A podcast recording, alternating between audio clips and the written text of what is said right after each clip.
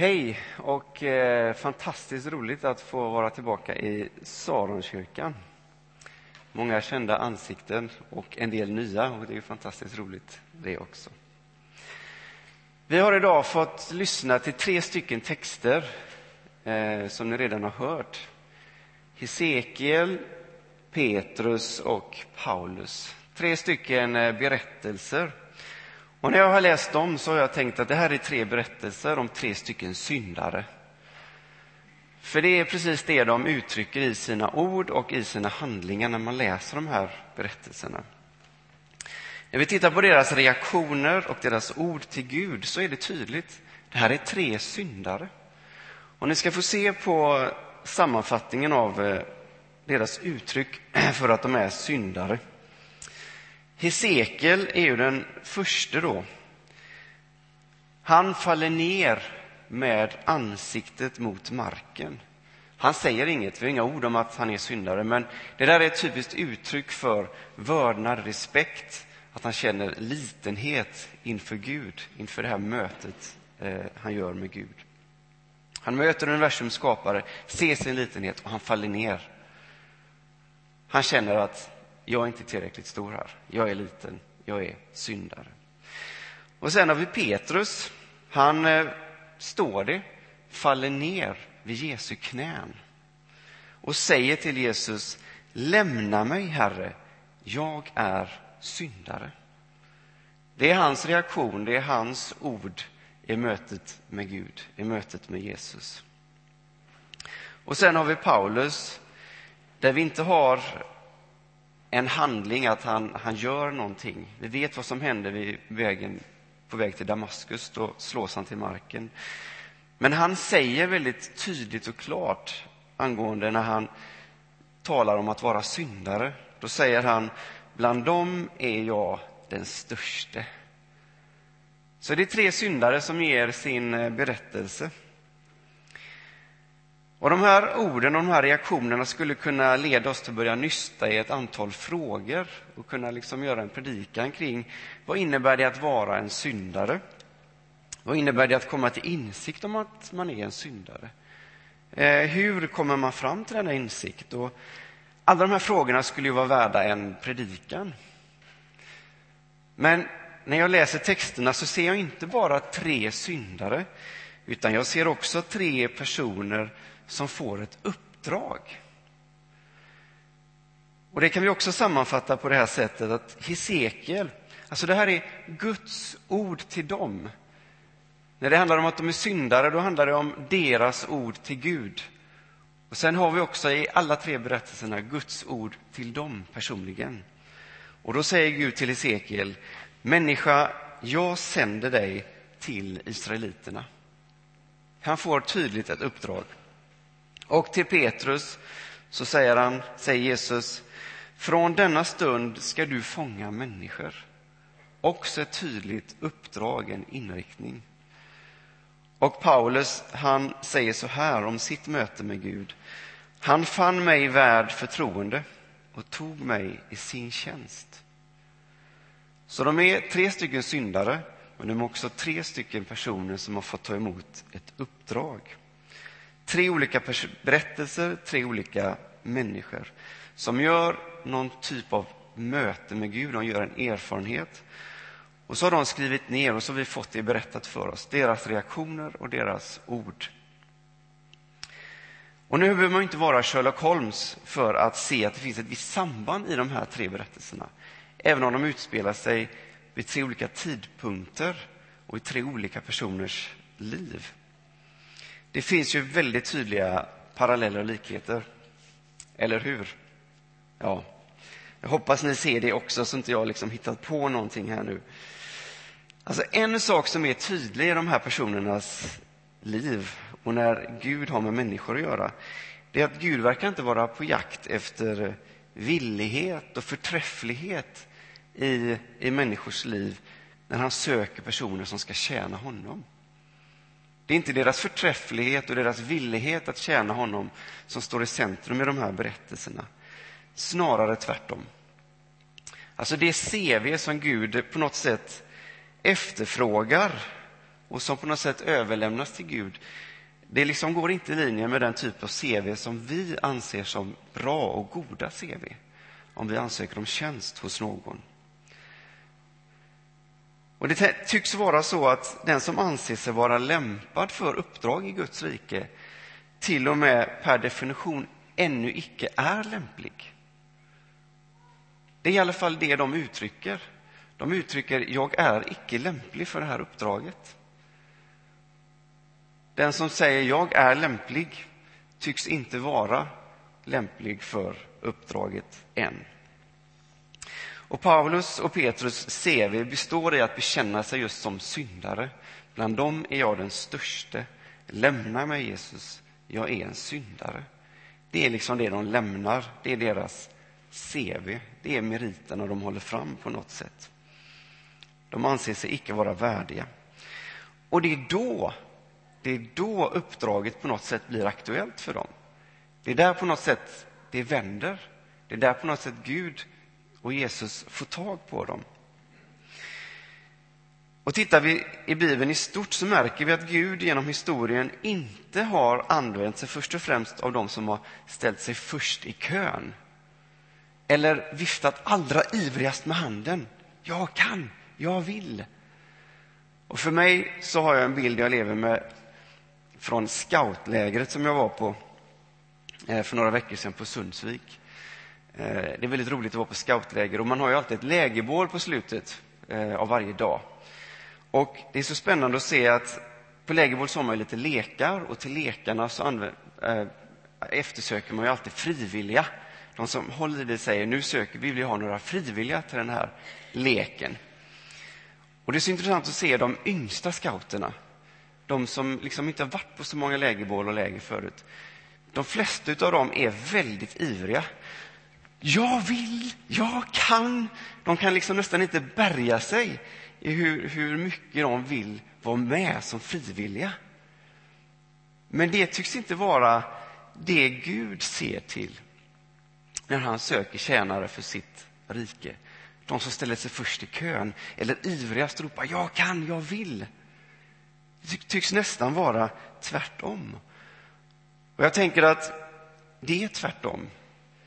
Det är de människor som inte själva säger jag kan, jag vill som Gud tar till sin tjänst, utan det är de som uppfattar Guds ord till dem. Guds ord som är jag kan, jag vill, jag sänder dig. Det tycks vara i alla fall Petrus och Hesekiels och Paulus erfarenhet. Att de tycks uppfatta de här orden från Gud. Jag kan, jag vill, jag sänder dig. Och det är ju helt tvärtom, tänker jag, hur, hur kanske vi tänker. Så det är den som kan uppfatta de orden som på något sätt Gud sänder. Och jag tror att då behöver man komma till den insikten först som just Paulus, och Hesekiel och Petrus gör. Därför att då kan Guds ord om att jag kan, jag vill, jag sänder dig landa i en sån persons liv, kan slå rot och få växa sig starkt. Och man kan få bli använd utav Gud. För det är precis det som kännetecknar de här tre personerna. De har på något sätt kommit till insikt om sitt eget liv. De har fått perspektiven lite grann justerade i mötet med Gud. Alltså ur ett mänskligt perspektiv så har de diskvalificerat sig själva för tjänst. Därför att de har ingenting att komma med.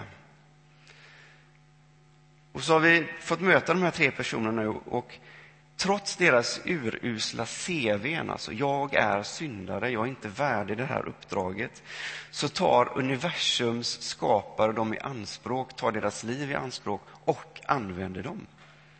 Det är så de här berättelserna ser ut. Alltså är dåliga meriter ett kriterium för att bli använd utav Gud?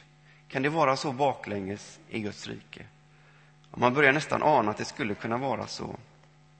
Alltså, kallar Gud en människa trots hennes svaghet eller på grund av hennes svaghet? Skulle det kunna vara så att insikten om min egen svaghet och tjänsten är på något sätt varandras förutsättningar. Att det är när jag kommer till den insikten, det är då Gud tar mig i sin tjänst. Jag tror det skulle kunna vara så. Alltså utan insikt om otillräcklighet, ingen tjänst hos Gud. För att kunna bli en apostel så behöver man först bli en syndare. Det är i alla fall Hesekiels, Petrus och Paulus berättelser som vi har läst om idag. Och att jag säger apostel, det är ingen tillfällighet därför att idag, vi följer kyrkoårets texter, idag så är det apostladagen. Det är liksom rubriken och ämnet för den här söndagen. Och det är ju kanske inte en så attraktiv rubrik, tänker jag, apostladagen. Och jag har senaste veckan gått och lurat på det där ordet apostel och försökt hitta en, en plats i mitt eget liv, liksom i min egen livsberättelse där apostel på något sätt faller in eller passar. Men jag kommer fram till att apostel, det är liksom inget ord som jag hittar någonstans i mitt eget liv. Det är liksom för stort. Det är för, för, för mäktigt och för storslaget att på något sätt säga om, om mig själv om att jag är en apostel. Det är för stort och det är för främmande. Att, att sälla sig till något sätt till apostlarna, ställa sig i gruppen av apostlar, ja, man gör ju inte det så där spontant. Inte när jag tittar på mitt liv och jämför med de som kallas apostlar. Och man märker inom kyrkohistorien att man har faktiskt reserverat ordet apostel, inte för alla kristna i första hand, utan de tolv lärjungarna de kallar man apostlar. Eh, även Gamla testamentets profeter har man inom kyrkan sagt, de var också apostlar. Och sen är det också så att om det finns en person som har fört det kristna budskapet till ett land, liksom kristnat ett land, då kan man också kallas apostel inom kyrkans historia. Och ni har säkert hört talas om Anskar, va? Någon som har hört talas om honom? Vad kallas han? Nordens apostel. Och googlar man på Anskar så får man upp en del bilder, om man googlar på bilder, bland annat den här då. Eh, och jag känner om jag ska använda apostel i mitt eget liv och liksom ställa mig jämte honom. Alltså apostel är för stort. Jag liksom matchar inte riktigt eh, Anskar. Det kan ju finnas någon här inne som känner att man gör det. Men jag tror de flesta av oss, apostel liksom, det är, det är för stort. Det är för storslaget, det är för, för mäktigt. Men jag tror, trots att apostel kanske är ett för stort ord för, för ditt och mitt liv, så tror jag ändå att vi kan ställa våra liv, lägga våra livsberättelser jämte berättelsen av Hesekiel, av Petrus, av Paulus och ändå på något sätt berika vårt eget liv. Även om vi inte kallar oss apostlar så tror jag att deras berättelser har någonting att säga till din och min berättelse, säga någonting in i, din, in i ditt och mitt liv. Jag tror det är så, därav denna predikan. Därför jag tror att Gud behöver möta mig och behöver möta dig på samma sätt som han mötte Hesekiel, Petrus och Paulus. Vi kan på något sätt ställa oss jämte dem och, och säga att ja, jag behöver också möta Gud på samma sätt. Alltså deras erfarenhet behöver bli vår erfarenhet. Om vi på allvar vill leva våra liv i närkontakt med Gud. Det tycks vara på något sätt förutsättningen och villkoret om vi vill leva våra liv i närkontakt med Gud. Därför att Gud är inte bara den som, som ger oss nåd och erbjuder en plats för vila och återhämtning. Så är det också. Men det är inte bara det Gud vill erbjuda oss och inbjuda oss till. Jag tror Gud vill göra precis som han gjorde med Hesekiel och Petrus och Paulus. Han vill göra oss medvetna om vår egen otillräcklighet, om vår svaghet, om vår brustenhet, oförmåga, litenhet, synd, som Bibeln kallar det. Och när han har gjort det så vill han dra oss in i sin plan för den här skapelsen. Han vill på något sätt sätta oss på banan och han vill hålla oss kvar där. Och då behöver vi dela samma erfarenhet som Hesekiel, Petrus och Paulus. Alltså Gud är den person som leder oss till platsen där insikten om oss själva och våra egna liv på något sätt infinner sig. Där vi får en glimt av Gud, där vi får ett perspektiv av vem han är, där vi får ett perspektiv på vilka vi själva är. Och där vi också då får se vår egen litenhet, där vi får bekänna vår synd. Och då är Gud också den då som reser oss upp till att tjäna honom som är universums skapare. Eller som Paulus väljer att kalla Gud, evighetens konung. Han blir den som vi får tjäna. Grundbetydelsen för ordet apostel det är en person som har fått en fullmakt. Och jag tänker i den betydelsen så kan vi alla kalla oss apostlar om vi vill följa Jesus. Därför att Jesus säger till sina lärjungar, på samma sätt som Fadern har sänt mig, sänder jag er. Och i det så ligger det en, en fullmakt som Jesus ger oss.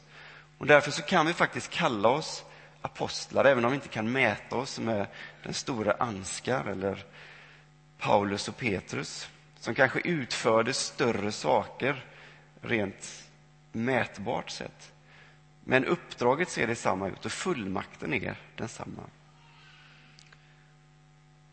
Och därför tror jag att Hesekiels och Petrus och Paulus erfarenhet också behöver bli våran. Det är förutsättningen. Och det är också den erfarenheten som Gud inbjuder oss till idag.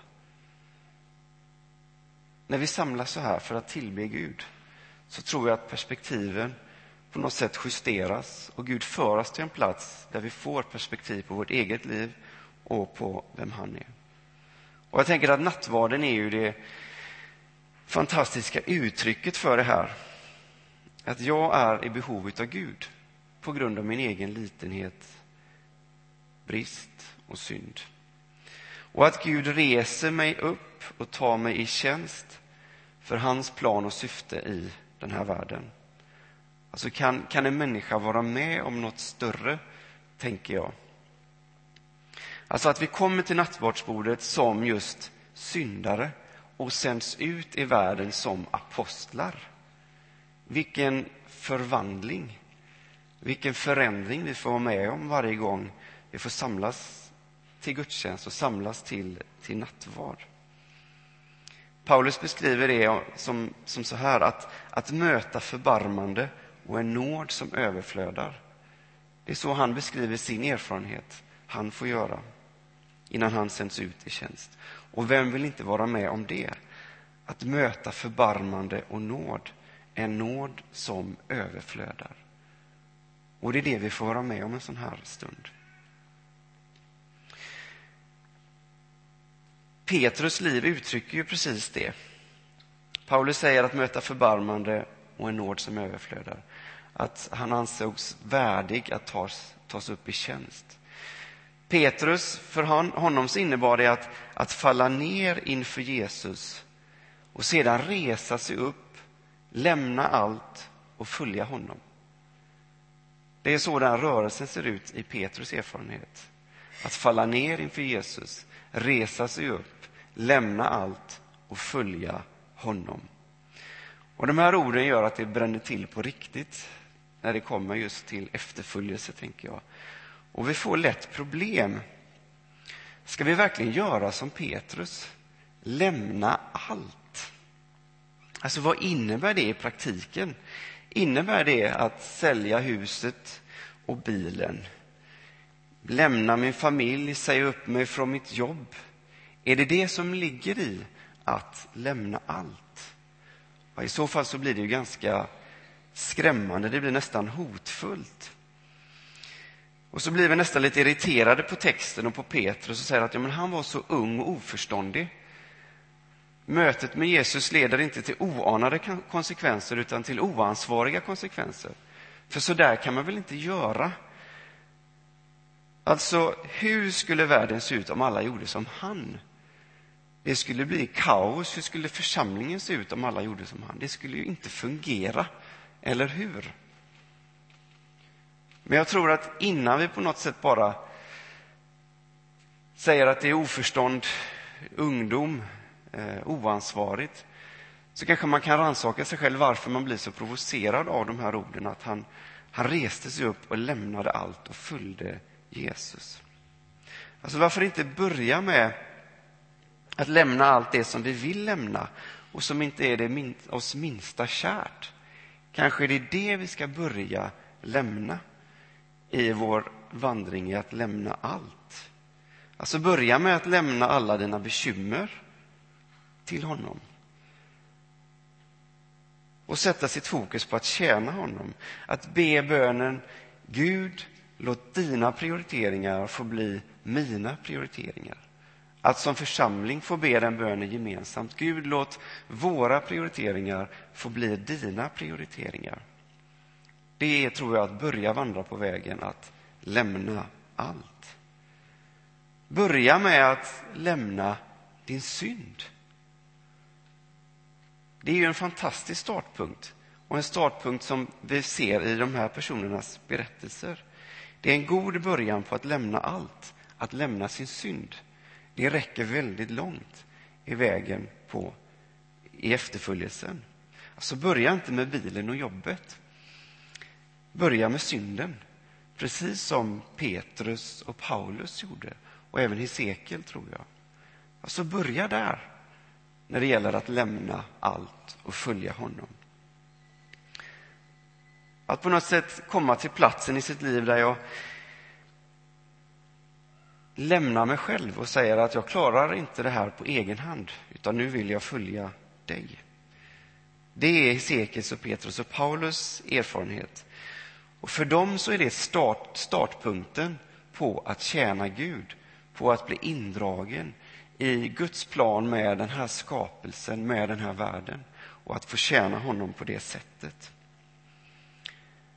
Och om det var vägen för dem så tror jag också att det är vägen för oss.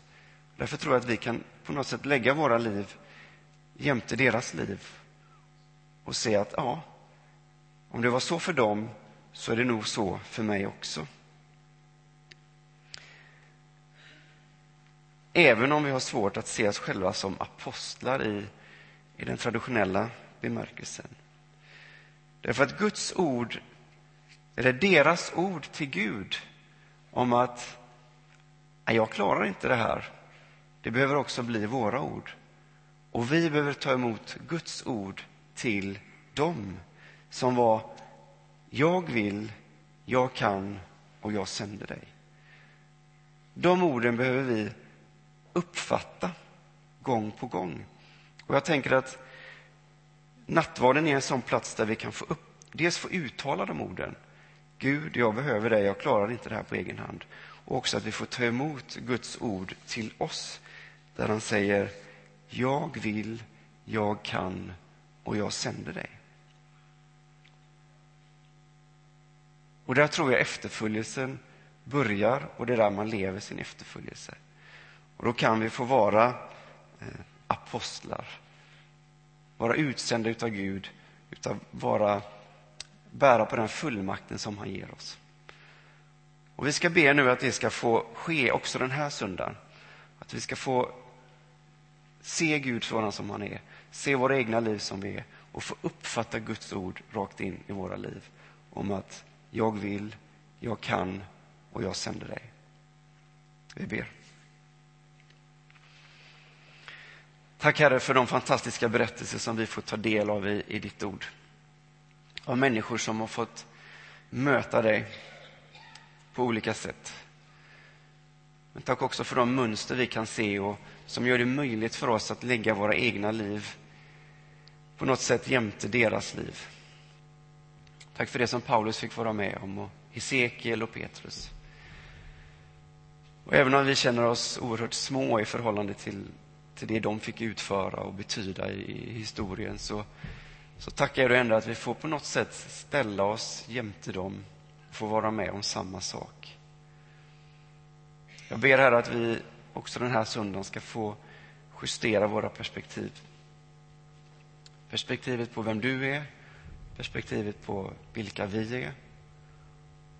Och jag ber att du ska få tala in i varje människas hjärta här idag. Om att du kan, att du vill och att du sänder. Tack Herre att du vill möta oss på det sättet. Ber om det Jesus i ditt namn. Amen.